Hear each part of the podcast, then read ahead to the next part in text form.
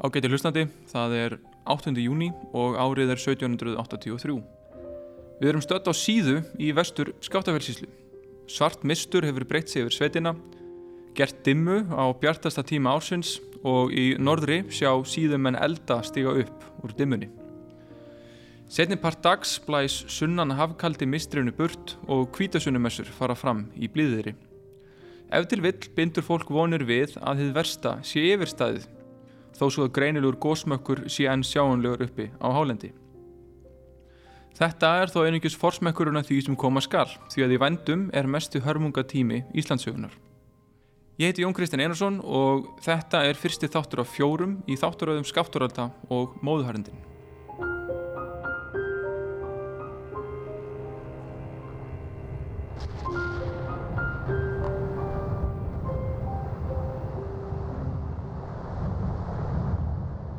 Það var eldgós.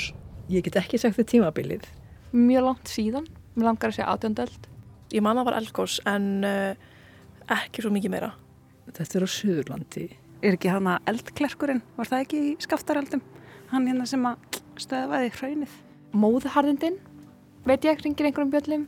Og svo fylgdu því náttúrulega gríðarlegar hörmungar um all land og ég fylg sér nú hægt að tengja kannski að franska byltingin hef átt rætur sínu að reykja einhverju leiti til skaftarheldana vegna hungursneðir í Evrópu og breytt sveðufars. Bara mikil, uh, hvað maður segja, heimsenda eitthvað. uh, hvað var að gerast annað þessum tíma? Ég, mér var ekki, fólk var bara í einhverju vósbúð í einhverjum, einhverjum svona blöytum ullasókum á tánum og eitthvað.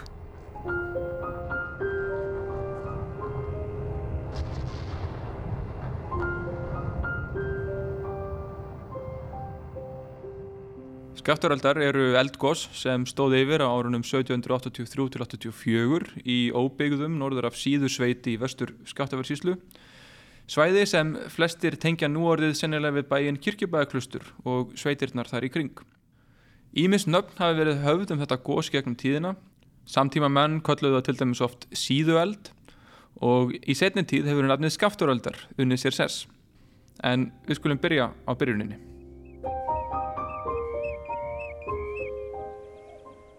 Vorið 1783 var uh, eh, myllt og, og, og sólríkt og menn horfðu björnstum augum fram á sömarið. Þetta er Þorvaldur Þorðarsson, professor í eldfjallafræði við Háskóla Íslands og leiðandi sérfræðingur um skaftarölda á heimsvísu. En uh, í skaftartungunni, nána til tekja á ljótastöðum, þá fóru menn að finna fyrir hérna járskjáttum í snemmi mæ og uh, þessi, þetta voru sérstaklega járskjálta hrínur sem að, að jökust í bæði magni eða fjöldaskjálta og líka í, í, í hérna starð og uh, þegar það komið fram í fyrstu jú, viku júni að þá voru skjáltarnir orðin það stóri þegar þið fundust í 100 km fjarlæð og það má svona eh, geta sér til um það að, að, að það þýði að stærðin og skjáltanum er komin eða stærðagráðan er komin upp í 5 þetta er þá uh, skjálta sem eru mjög öflugir. Mm -hmm. við fundum nokkra svoleiðis á Reykjaneskaganum þannig að, að hérna, við ættum að vera vön því hvað járskjálti 5 gerir. Og, en þetta var sagt, undanfari skjáltarelda það var þessi skjáltar hérna sem að fannst fyrst og fremst í byrjun á ljótastöðum. Þeir voru raun og verið í beitni línu söð-vestur af góðsprungunni. Þannig að maður tegi upp bara línu frá skafturaldaröðinni og, og, og, og söð-vestur þá enda maður á ljótastöðum. Þannig að mm -hmm. það er kannski eðlert að þeir fundu meira fyrir þess en aðrir og voru næmari fyrir þessu.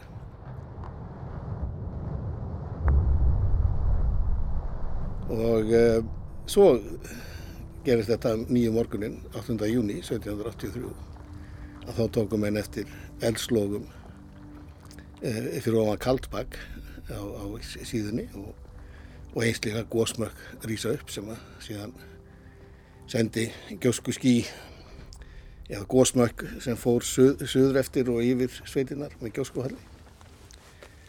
Og e, svo staðrinda menn sá e, kvikustrókana sáu þá sem sagt fyrir ofan Kaldbakk og þú bara gerir einfalda þrýðningamælingar þá því að þessi kvikustróka voru 1500 metra háir. Og til við möguna þá voru kannski hæstu kvikustrókanir í 21 góðsvinu í Gjaldingadölum, þeir fóru svona upp í 200 250 metra kannski. Þannig að þetta er alltaf verið svakaleg byrjun á eldgósi að sjá svona háa kvikustróka og síðan bara góðsmörk sem, sem að allir miklu gjóskufalli eh, hérna á síðunni og þetta alltaf var söðvestasti hluti skáttaraldaraðarna sem opnaðist.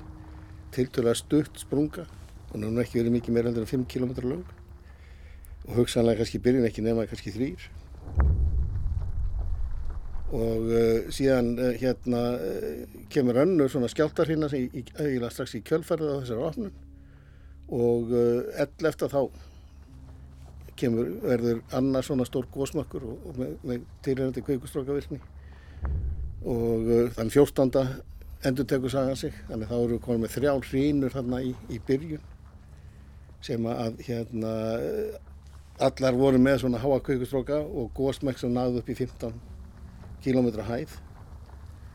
Og uh, með mikið af gasi, brennisteini. Og þar var náttúrulega uh, rakin í andrúrlottinu hann er að þéttast og, og þá myndast brennistein síra og það, úr þessu ringdi til dæmis á nokkrum stöðum, komum skúrir og það var, regnin var svo súrt að það brendi gött á, á laubluð á trjám og einsleika brendi sko skinna fólki og, og, og, og hérna hústýrum. Þannig að þarna erum við að tala um mengun, brennsteinsmengun upp á sko eða miljón tonn af brennsteinsdíóksíði á, á, á dag mesta mengun sem við sáum í, í hérna þessu 21 gósi, 22 og 23 gósuna, það eru kannski í stuttan tíma hefur það farið kannski upp í 10.000 tonn á dag. Og e, hólurhrauninu 2014-15 þegar að mengunum var sem mest þar þá var, var gósi að setja af sér inn í andrúrslótið svona um 150.000 180.000 tonn á dag. Þannig að þetta er hundraðfalt það sem fólk voru að upplifa hér Í, í, Hólurhönn, já, tíu sem, sem var í Hólurhönnskosinu og hundrafalt pluss það sem var mengun sem við urðum vörði hér á, á, á Stórreikjöks eða Reykjanes Gagan. Á árunum eftir skaftarölda urðu svo mikil harðindi á Íslandi vegna þessa gas sem oft hefur verið kallað að móða og tímin eftir skaftarölda hefur því verið nefndur móðu harðindin. Móðan úr skátturöldum var skæð og eitraði gróður þannig að hestar, kýr og kindur fjallu unnverpum, aðalega flúreitrun. Sveinbjörn Rapsson, sagfræðingur, hefur metið það svo að á árunum 1783-86 hafi 75% söðfjár, 40% nautgripa og 48% rossa á Íslandi drefist. Til er frásögn um áhrif móðunar á söðfjö. Á því var varðlas á limur að ein nýtti, sérdeilis kjálkar, svo nútatnir fór út úr skinni við bein. Bringuteinar, mjadmir og fótleggir, það ruksu á stór beinæksli sem sveigðu leggina. Bein og nútur svo meir sem brudd væri. Innibli morkin og meir með sandi og ormu. Holt tóran fór eftir þessu. Það sem kjöt átt að heita var bæði lyktarslæmt og ramt með mikilli ólifjan. Hvar fyrir þess átt varð margri mannesku að bana. Móðan var þó ekki það eina sem allir Íslendingum skakkaföllum sömurið 1783. Hraunflæðið frá skaftaröldum var líka gríðarlegt. Hraunflæði byrja mjög snemma og, og það sem var fyrsta góðsprunga sem opnaðist, hún er söðvestast, hún er við hnútu og þá hefur raunnið frá þeim gígum, hafið flætturinn bara beint út í skaftaglúður. Við veitum ekki nákvæmlega hvað skaftaglúður var djúft á þessum stað en, en það er nú verið boranið þarna og sem benda til þess að það er allavega meira en 60 metra djúft, geti verið dýbra sko. Og þarna fer raunnið bara og, og dempist niður í niður í gljúfrið og það er það mikið af hraunir sem er að fara onni í gljúfrið að skaft á og nú hafa margi kert, auglust kert yfir brúna við kirkjubaklustur og, og, og séð skaft á dempa sér það niður. Þá sjáðu hversu mikið fljót það er. En á sem sagt uh, innan við einu til tveimur dögum og þá þurkaði hraun sem sagt hérna, þotnaði árfarvegur skaftár sem sagt í byggð. Þá hefur hraunni það hefur stíplað gljúri þannig að vatnin komst ekki niður. Og við veitum náttúrulega ekki nákvæmlega hvernig þetta sjónaspil gekk fyrir sig en ef þú ímynda glóandi hraunni fara niður og, og, og, og mynda stíplu vatnin náttúrulega flæðir þarna að og þá hefur þetta verið örga mikið um gufur og eimirjöð þarna sem hefur verið að stíga þarna upp af upp úr gljúrinu en hraunflæði var það mikið þarna í byrjun skátturælda að það helt farvegi skaftar þurrum fram í september.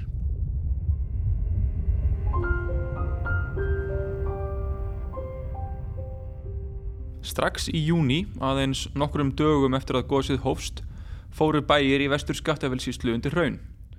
12. júni fór stærstilhutti jarðarinnar ár á síðu undir hraun og áfram hjælt þetta því þann 22. júni rann hraun yfir meðaland og meðal annars brann hinn nýbyggða Hólmaselskirkja. Alls fóru bæjarhús á 11 stöðum undir hraun og lögðust hannig í eyði. Aðrar jarðir eins og hungubakkar og síðu skemmdust en komust aftur í byggð eftir gósið. Frettir af gósunu fóru að spyrjast út stuttu eftir að það hófst og þann 9. júli voru þessi orð skrifið í dagbók Sveins Pálssonar sem síðar var læknir og náttúrufræðingur í Reykjavík. Frettist. Síðan er gjör eitt og nokkur hundruð fjár deitt af eldgangi úr kötlugjá, skaftárgljúri og fleiri stöðum. Fjöldi manns þurfti að flýja sveitina. Heiskapur gekk afar ítla þetta sömar og flestir bændur höfðu lítinn heiforða handa þeim fáu skeppnum sem þó lifðu inn í veturinn. Það er því ljóst að ásýnd sveitarannar hefur ger breyst á nokkrum vikum þegar skaftaröldarhaunnið flætti yfir.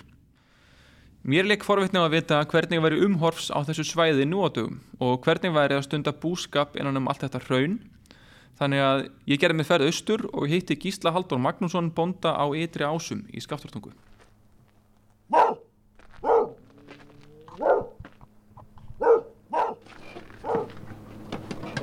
Góð dag. Sæl, Jón. Sæl Jón. Hann er ekki bærið á mótur, helvítið hund örrandi. Já, já. Já, já. Á ytri ásum er stundaðar búskapur með bæði kýr og söðfjö og Gísli Halldór tekur á móti mér með kaffi og mjólk beint úr tanknum í fjósinu. Eftir gott spjall við eldúsborðið gengum við af stað og virtum fyrir okkur hraunið og eins og þið eflaust heyrið þá var nokkuð vindasamt þennan dag. Hér sjáum við gamla bæinn, ekki satt? Já, hérna er, hérna er, er, er einn af þeim sem voru hér, já. Þetta er, þetta er gamli bærin í ytri ásum. Já. Hann hefur staðið hérna alveg við kantinn þar sem að raunið rann. Já, þannig séð hefur hann gert það náttúrulega. En, en, en, en, en akkurat þarna á móti er kannski ekki svo mikið raun sko. Hefur ekki verið mikið raun eins og sér þá er, þá er vallendi framan við. Já. Og raunir rennur ekki yfir það. Þetta er eldra raun þar undir sko. Já. Og eru svona springigígar upp sko. En, en, en landið fer, er náttúrulega svona hallandi sko, eins og brekkan, þú séu hvernig brekkan er. Já. Og, og, og landið hallar svolítið alveg fram í rauninu og þarna, þarna var þetta allt gróið. Og, og það hefur bjargað fólkinu hér að vera í hlýðinni? Já, já, alltaf bjargað í bænum. En hann er, hvað hva, hva getur við sagt, kannski 50 metra frá eldruninu, eitthvað svolítið? Já, svona, já, kannski 50-100 Gísli útskýrði fyrir mér að í kringum ytri ása verði búið að skrá 80 húsarústir en það hefði fólk alltaf verið að færa til þessa kofa eins og hann orðaði það og byggja nýja. Það er einlega ómögulegt að ímynda sér hvernig hefur verið umhorfs í skafturtungu, meðalandi og þessum eldsveitum fyrir skafturölda. Gísli benti mér á að rétt hjá ásum megi greina rústir eða leifar stórbílisins Ness sem fór því sem næst allt undir hraun í skafturöldum og aðeins er lítill bæjarhóll sem enn sérst. Sumu leiðis sjást þjóðvegir þess tíma, hestagöturnar, sem núna enda á gljúfurbrún þar sem hraunir rann.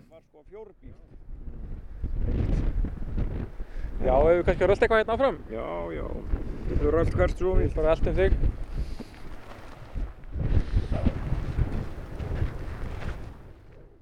Og við stöndum núna hérna ofan á hæð og uh, horfum yfir hraunið. Þú veist að segja að hér eru, getur við séð bæjarústurnar af nesi sem að fór undir hraunið. Við rettum líka um hvernig það væri að búa og vera með búskap í svona mikillir nálað við náttúruöflin. Skaftarhlaup verða með reglulegu millibili og hafa valdið búsifjum á ytri ásum. Og þá er aldrei að vita hvenar gís næst. En Gísli sagðist ekkert hugsa um slíkt. Það borgaði sig ekki og hann hefði ákveðið ungur að vera ekki að velta sér upp úr náttúruhamförum. Hann sagði að þeir sem hefðu lifað köllugósið árið 1918 hefðu lifað í stöðugum óta eftir það um að eitthvað svipað myndi endurtaka sig. Það væri ekki hægt að vera sífælt að velta sér upp úr því. Það þýðir ekki fyrir að hugsa um það.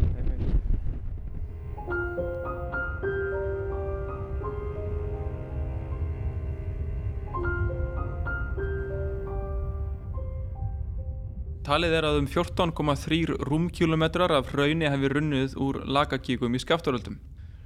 Þetta er gegvanælt magn með því mesta sem þekkist í Íslandsögunni og mér langaði að reyna að sjá þetta fyrir mér. Ég hafði því samband við Gilva vinn minn sem er starfræðingur og hann benti mér á að sveitarfélagið Seltjarnanes sé um það byrjum 2 ferkilometrar og ef við sjöfölduðum þann flöt og letum að ná kílometra upp í loftið þá varum við komin með kar sem myndi rúma raunnið úr skafturöldum. En þó vitum við um ennþá stærra gós, eldgjárgósið sem varð á sveipuðu svæði og skafturöldar árin 937 til 939 milli Mýrdalsjökuls og Vatnajökuls. Akkur við erum að fá svona stór góðsanna og akkur við koma þarna á þessu, upp á þessu belti, það er, er mjög góð spurning en við höfum freka að fá svör. Mm -hmm. Þorvaldur segir þó að vitað sé að kvikan úr skaftaröldum hefði ekki flutt sig lárétt frá grímsvötnum sem eru aðeins norðar í vatnajökli heldur hefur raunnið úr skaftaröldum komið af meira dýpi. Það hefur stoppað á 6 km dýpi í eitthvað tíma en upprynnið þess sé neðar. Og þannig að við vitum ímjömslegt um hvernig, hvernig þetta haga sér en akkur við fáum svona stórgós á þessu svæði það er spurning sem hefur ekki verið svarað vel.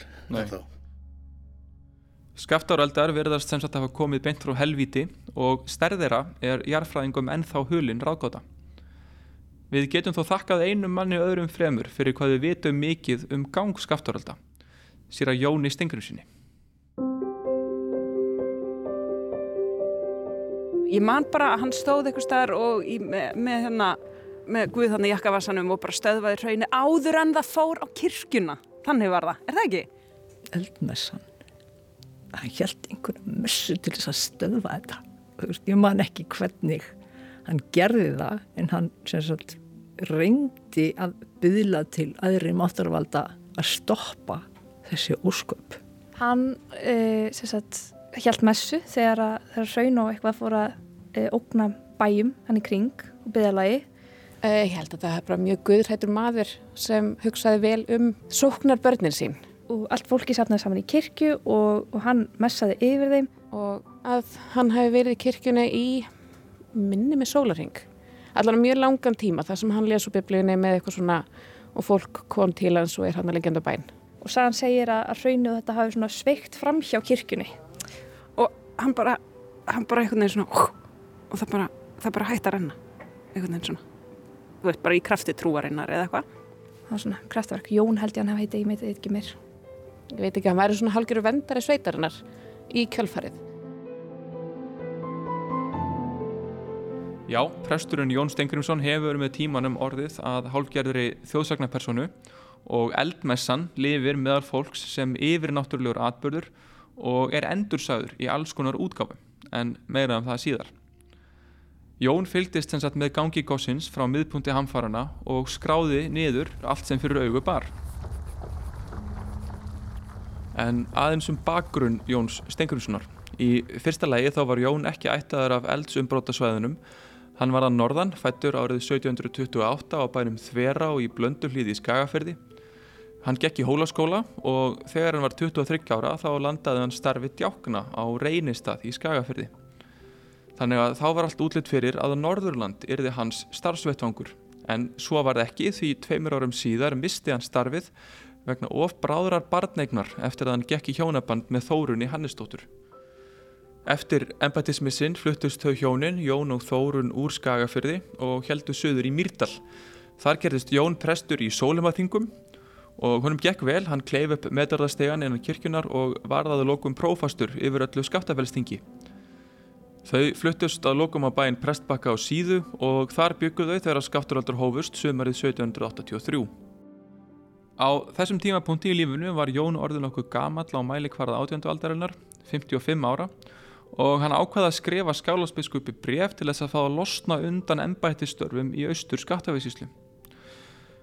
Það var aðeins nokkrum mánuðum áður en skafturaldur hófust. Við gefum Jóni orðið. Mig brestur bæði heilsu, efni og vit að vera hér lengur prófastur allra síst þar. Því byrði ég yður enn sem fyrr að gefa mig lausan við það ennbætti í sumar, ef svo lengi lifi. Er svo komin að leggja Guð mér ei eitthvað sértilist til í sumar til viðurhalds að ég ætla slétt að gefa frá mér búskap hvar til eru heilmargar orsakir, er ég ei að svo stöttu framfæri. Það hefur aldrei fyrr svo þrengt að mér sem nú. Ég er búin að lifa af allt það gladasta, ef svo má segjast, hálf sextúr og finn árlega á mér kraftana þverran að því síðasta takmarki.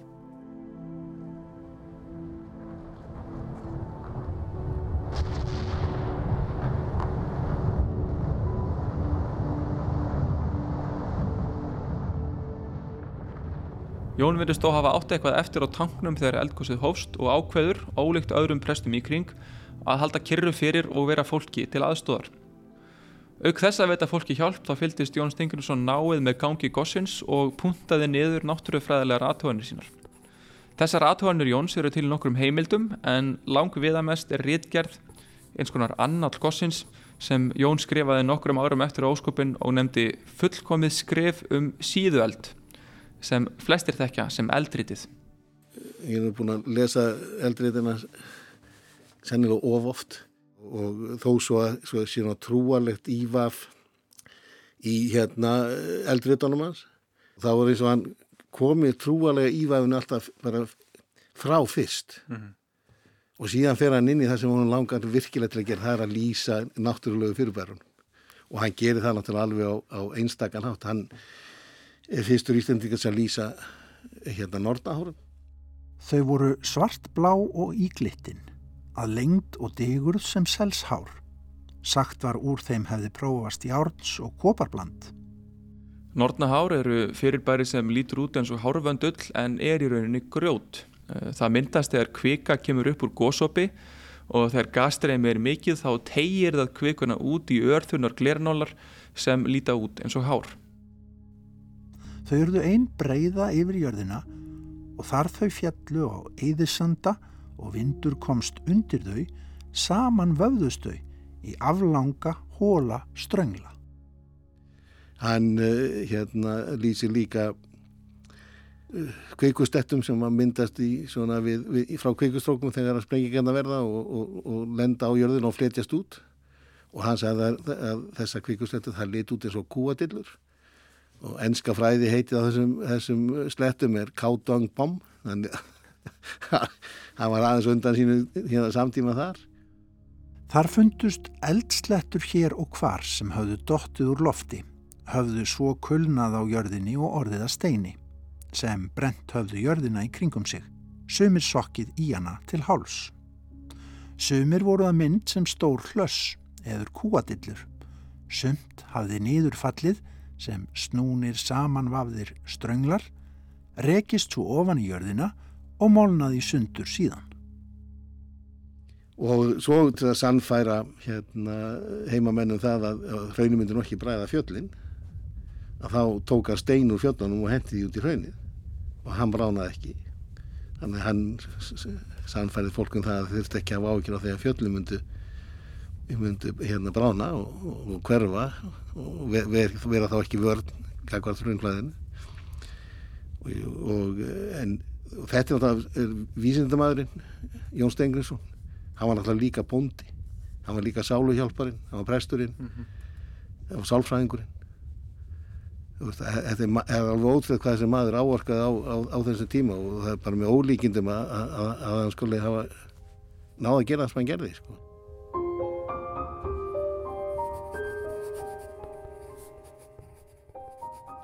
Já, Jón Stengrimsson var mikill skrásetjari en upplýsingaöflun var einmitt eingerandi fyrir átjöndöldina. Tímabil sem að margra mati er það áhugaverðasta í sögu Íslands og jafnvel mannkinsins. Í Evrópu er átjöndöldin öld upplýsingar og bjartsýni en einnig öld einveldis og jafnvel harðræðis. Á Íslandi hefur átjöndöldin hins vegar helst verið tengt við hörmungar. Á árunum 1707 til 9 barstingað bólusótt, stóra bóla, sem talið er að hafi lagt 15 landsmannaða velli. Á sjötta áratug aldarinnar gengur yfir mikil og langvinn harðindi og á þeim sjönda barstingað skæður fjárkláði og svo auðvitað skaftarhaldar. Hrefna Róbertsdóttir, þjóðskjálaförður, hefur rannsakað efnahagshugsun og stöðu Íslands í Danska ríkinu á átjóndöld.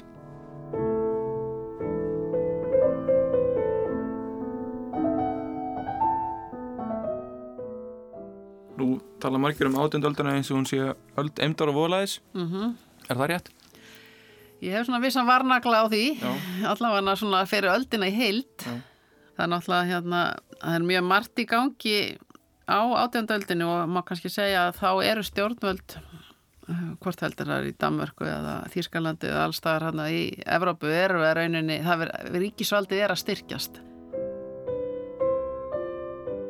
Tíðarandi þessar aldar og líka í Danmörku er að skoða svolítið mikið hverjar eru auðlindir ríkisins. Það eru náttúruauðlindir og það er fólkið. Þannig að menn eru mjög uppteknir af fólksfjölgun eða fólksfjölda og eins og þetta gríðarlega áhugaverðar rít Hannesar Finnssonar um mannfækuna Hallarum. Mm -hmm. Þetta er ekki, þetta er bara, hérna, þetta er aðalmálið mm -hmm. og og hans niðurstað var nú svo að Ísland væri ei óbyggjandi. Þannig að það var nú gott fyrir okkur að komst að því að þetta væri hægt.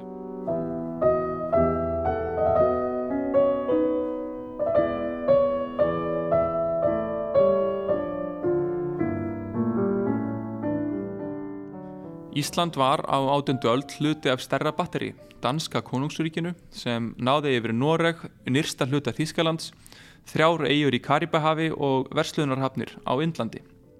Ísland var svo kallað stiftamt en danska konungsríkið var samansett af sjö slíkum einingum. Sem hluta af ríkinu það hefði mátt búast við því að hingað bærist hjálp frá Kaupanhöfn þegar hörmungar gengu yfir landið.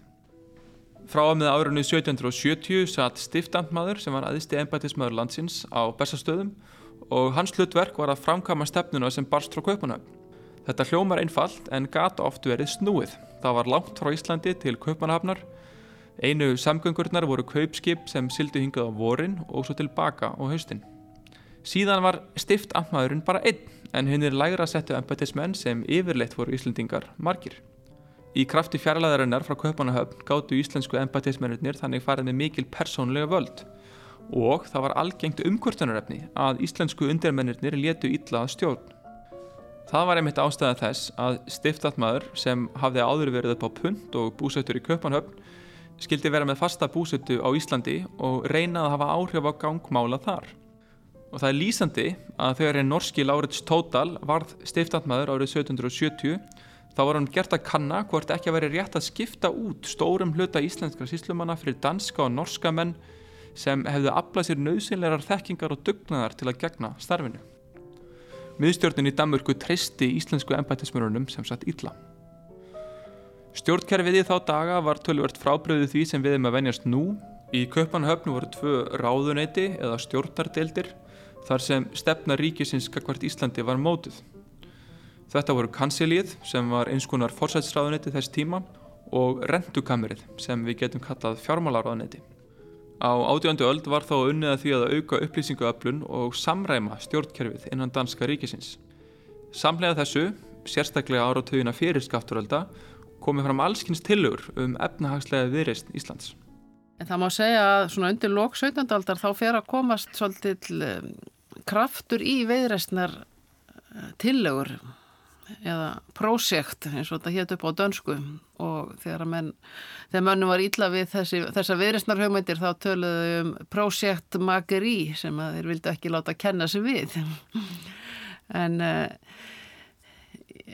og síðan á átjándöldinni þá heldur þetta áfram og sérstaklega svona þegar hann líða að miðri átjándöld og og það sem að kannski Íslandinga þekkja helst er þá svo kvöldu allsæra við, viðræstnar áallin sem að skúli Magnússon landfókjati lagði fram fyrir konung 1751 og þá í nafni allra ennbættismanna Íslands og um, velstæðra landeiganda því að þetta var, var stopna hlutafélag 1751 til þess að koma sér saman um tilugur um margskonar leiði til að styrkja Íslands efnaðarslíf og landsægi. Eh, en uh, þessi viðræstnar áallin er ekkit úr lausu lofti greipin því að það er margar hugmyndir sem þar eru kannski samankomnar og settar fram sem svona framkæmanlegar uh, á Íslandi þess tíma að það er voru höfðu margar hverja komist fram áður í viðræstnaritum í Danmörku eða af ymsum sem að skrifiðu frá Danmörku eða Nóri og og þá ganga það mjög mikið út á kannski að sjá fyrir sér þéttbílismyndun eða kaupstaði að styrkja það, styrkja heilsásverslun og koma upp eh, handiðnaðar mannastjætt sem ekki var nema svona til sveita. Mm -hmm. Þetta var handverk en það var ekki þessi svona evróski handiðnaður var ekki hvorki í vefnaði nýja smíðum eða öðru því sem að rauninni landi þurfti til.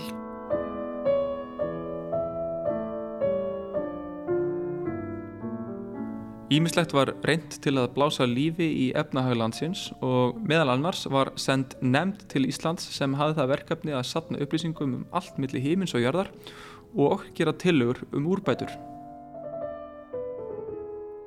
Já, landsnefndin fyrir, hún kemur hingað 1770 með vorskipum það árið á samt nýjum stiftandmanni. Henni var ætlað að afla í rauninni svona grundallar upplýsinga um Íslands samfélag og, og, og þá með þessa svona hugmynd um að styrkja samfélagið og ekki kannski bara Ísland heldur kannski hluta því að, að á átjándöldinni er í dansk-norska konungsríkinu verið að, að styrkja þessa heild og það kemur fram líka fyrra öldinni hann í dönskum skrifum ennbættismanna eh, í kringum 1730 að, að þá er talað um að það væri óskandi að Ísland gæti orðið koningjunum eins og annar Nóriður og auðvitað voru náttúru öðlindir líka hlut af þessu mm -hmm. landstændin átt að leita að slíku fá upplýsingar skráseta hvar væri kóla að finna eða það væri og annað slíkt og, eða surtabrand. Og þetta var raunni líka svona lagt að stað með þessar hugmyndir í viðræstnar áallunum 1750 en 1770 er þá stjórnveld að taka svona sterkara skref eða stærra mhm. skref í því að koma staði hvernig er staðan á Íslandi og Já, en við getum allavega sagt að árin og áratuginir fyrir skaftarölda eru sannarlega tími en það sem að danska miðstjórnin er að sína Íslandi aukinn áhuga og að rinda í framkvæmt hér ákveðum umbútum. Alveg, alveg tímar er löst.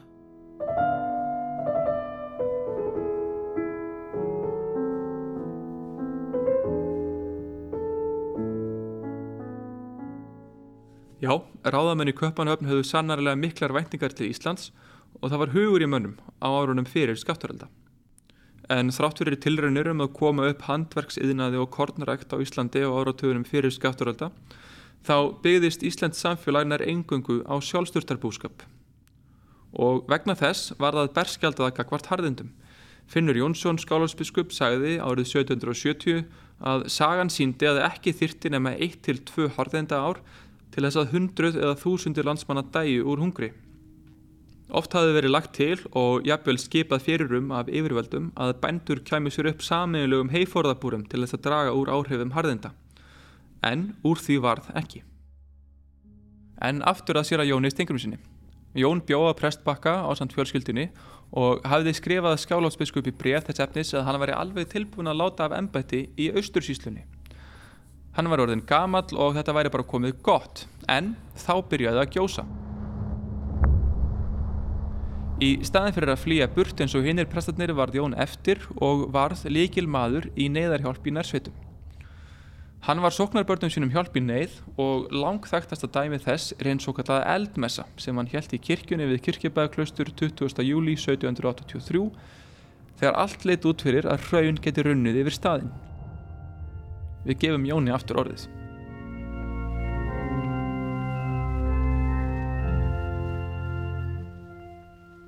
En af því veður var spakt fór ég og allir sem hér voru þá á síðunni, innlendir og aðkomnir, sem því gátum viðkomið, til kirkjunar með þeim ugga og sorbitnum þanga að það kynni að verða í seinasta sinn að í henni er því ennbætað. Nær við er þangað komum var svo þykk hýta svæla og þoka sem laði af eldinum ofan árfarvegin að kirkjan sást numlega eður svo sem í grilling úr klösturdýrunum. Skruggur með eldingum svo miklar kipum saman að leiftraði inn í kirkjuna og sem dvergmál tæki í klukkunni en jarðarhæringin yðuleg. Svo stóra neyð sem nú var á ferð og yfir hangandi kendi mér nú og öðrum að byggja Guð með réttilegri andagt að hann af sinni náð vildi eigi í hasti eidilegja oss og þetta sitt hús. Þá var og svo hans almættis kraftur mikill í vorum breyskleika að ég og allir þeir sem þar vorum þar aldeilis óskeldir inni. Engin gaf af sér nokkurt merki til þess að fara út úr henni eður flýja meðan Guðstjónustu gjörð yfir stóð sem ég hafði þó jafn lengri en vant var. Nú fannst þeir stundin oflaung til að tala við Guð. Ég kann ei annað að segja að hver væri reyðbúinn að láta þar lífið, ef honum hefði svo þóknast og ei fara þaðan burtu þó að hefði þrengt. Því hvergi sást nú fyrir hvar óhullt var orðið að vera. Sko eldmessuna, hana heyrði ég fyrst um einhvern tíman þegar ég var í bíltúr með hérna af og ömmu. Ítlugi Jökulsson, útvarsmaður og ryttefendur, vinnur um þessar myndir að bók um skáttarálda. Og afi saði mér þessu sögu að eldmessunni og, og svo útgáfa var mjög í, á sömulund og ég hygg að flestir hafi heyrt sem sé að, að hérna í uh, miðju skaftaröldagósinu þá hafi raunströymur stemt að kirkjunni á kirkjubæðaklaustri og ekki hafi verið útlýtt fyrir annað en kirkjan erði brátt undir rauninu en uh, þá gekk uh, sér Jón Stengrimsson til messu með, með sinn söfnuð og held þar svo hérna eldmóðuga uh, predikun að, að raunströymurinn stöðvaðist á meðan, hérna, meðan uh, messan stóð yfir. Og þannig var kirkjunni bjargað svona ég hugsaði að flestir hafi hyrt svona sögu í, í einhverju mynd. Þannig að þessu, þetta fannst mér náttúrulega á sínum tíma dramatísk saga og, og hérna og ægi fögur og til margsum um hérna eldmóðin í, í séri Jóni Stingrimsinni Nú svo þegar ég fór svo lengur setna að, að, að skoða heimildir um þetta þá kemur náttúrulega fljótt í ljós að þetta var, var ekkert svona. Þetta var vissulega merkilegur atbyrður þessi messa. Þetta var fyrsta messan sem að, sem að Jón held uh, eða flutti eftir upphaf gossins. Það var aðalega vegna þess að ekki hafi viðrað fyrir til messuhalds. Messan er sem sagt haldinn 20. júli og uh, og þetta var, var vel lítið mjög dramatíst í uh, gósið var vissulega í, hérna, í fullum gangi og, og raunströymur stemdi á, á hérna, kirkjubæðaklaustur uh, meðfram, uh, þá farið meðfram farvegi skaftár í áttin að, að uh, þeim bæ en, en það var þó ekki svo að, að raunir væri í þann vegin að, að hérna, gleipa kirkjuna eins og, eins og sagði í sögunni sem ég heyrði frá afaminum og margir hafa vaflust heyrt. Ég held að séu tveir kílometrar frá þeim stað þar sem að raunir var þegar messan hófst og að kirkjunni og, og það sást ekki eins og þar á milli þannig að þetta var nú ekki alveg svo dramatíst að hraunið hafi, hafi stoppað beinlýnis bara við kirkjutinnar undan, undan eldmóðunum í Jóni Stingrim sinni.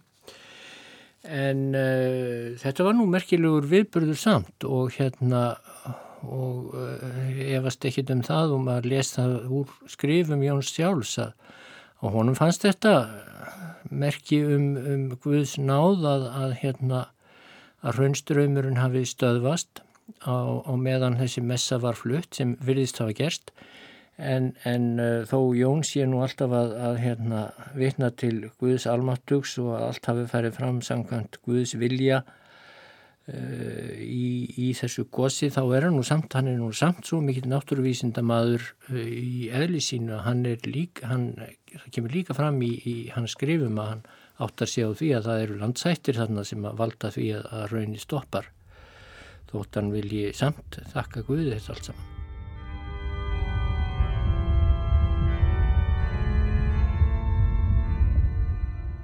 Eftir embættið þá farið var að skoða hvað eldinum hefði áfram miðað þá var það ei um þverfótar frá því hann var komin fyrir það. Heldur hafði hann hrúast hvað ofan á annað þar í afhallandi farvegi hér um 70 faðma á breytt og 20 á dýft sem sjáanlagt verður til heimsins enda ef þar verður ei á önnur umbreyting.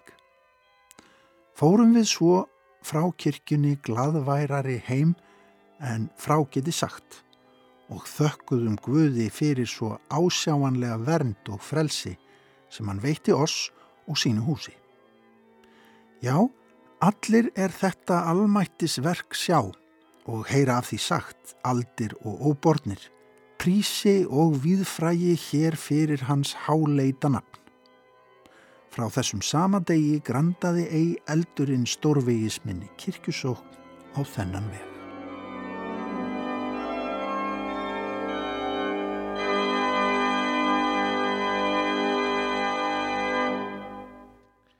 Eldmessan, ég, hún, hún er, hann setur hana bara á svið til þess að fá fólki til að trúa lífið aftur. Hann veit að raunir fyrir aldrei yfir kirkuna, en það er hann í grendinni og hann nota tækifærið.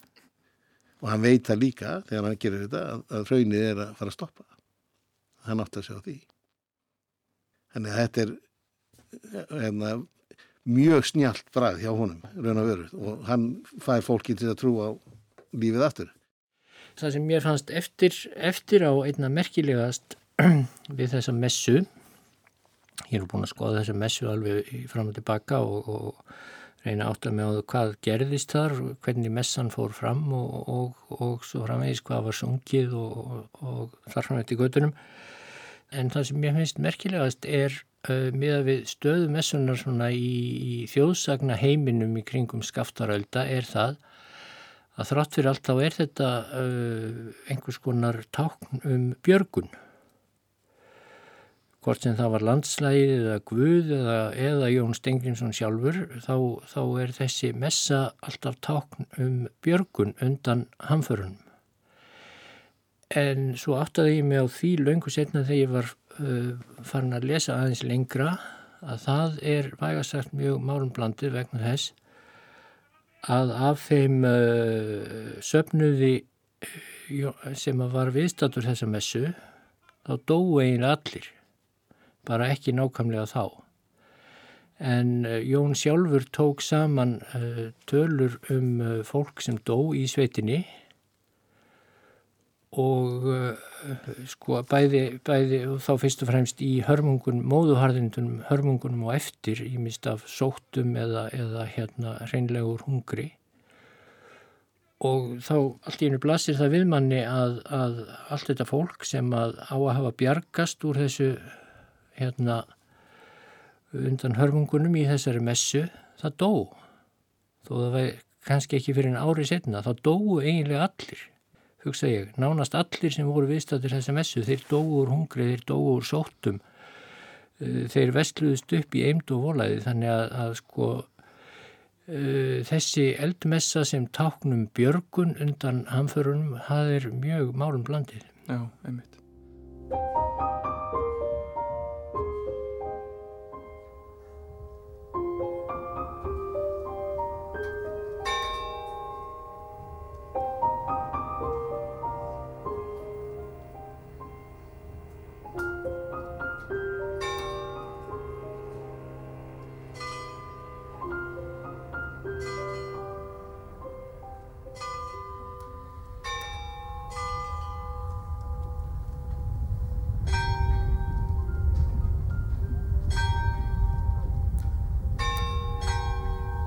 Átján dögum eftir eldmessuna þann 7. ágúst ætti annað hraunflóð út úr hverfisfljótsgljúri og rann yfir fljótskverfi sem er austasta sveit vestur skáttaversinslu. Þar fóru bæirnir Eistri dalur og Ytri dalur undir hraun en aðrir bæir í sveitinni urðu óbyggilegir og árið 1784 bjó engin í fljótskverfi. Allir íbúar voru annarkvort látnir eða höfðu flúið á brott. Fréttist. Síðan er gjör eitt og nokkur hundruð fjár deitt af eldgangi úr köllουgjá, skaftárgljúri og fleiri stöðum. Fréttir af góðsunu munu hafa borist til suðu vesturhortsins stuttu eftir að það hófst í byrjun júni. Engin hjálp hafði þá borist á Danmörku en það var það ekki fyrir enn 4. september, tæpum þremur mánuðum eftir að skafturaldur hófust, sem fyrstu fregnir af hörmungunum bárust til Kaupmannahafnar. Þær fréttir komið þó ekki frá stiftatmannunum Laurits Tódal, aðista fulltrúa Danakonungs á Íslandi, af því að hann ákvaði einhverju hluta vegna að býða með að skrifa yfirvöldum í Kaupanhöfn og láta vita af ástandinu, en átti síðar eftir að bera því við að hafa viljað býða eftir áreðanlegum upplýsingum um stöðumála áður en hann leti yfirvöld vita. Frettir af gósinu komu hins vegar frá dönskum kaupmanni í Reykjavík að nafni Jósi Sunkenberg sem hafði líst í brefi dagsettu 24. júli að mikið eldgós var í hafið sunnarlega á Íslandi. Þetta bref á samt fleiri brefum með frásögnum af hörmungum skafturölda voru flutt með höstskipunum til kaupmannahafnar og þá loks tóku yfirvöld við sér. Leiðangur var sendur til Íslands og danskir ráðamenn fóru að reyna að hjálpa Íslendingum á fremur missetnaðan hátt en meira um það í næsta þætti.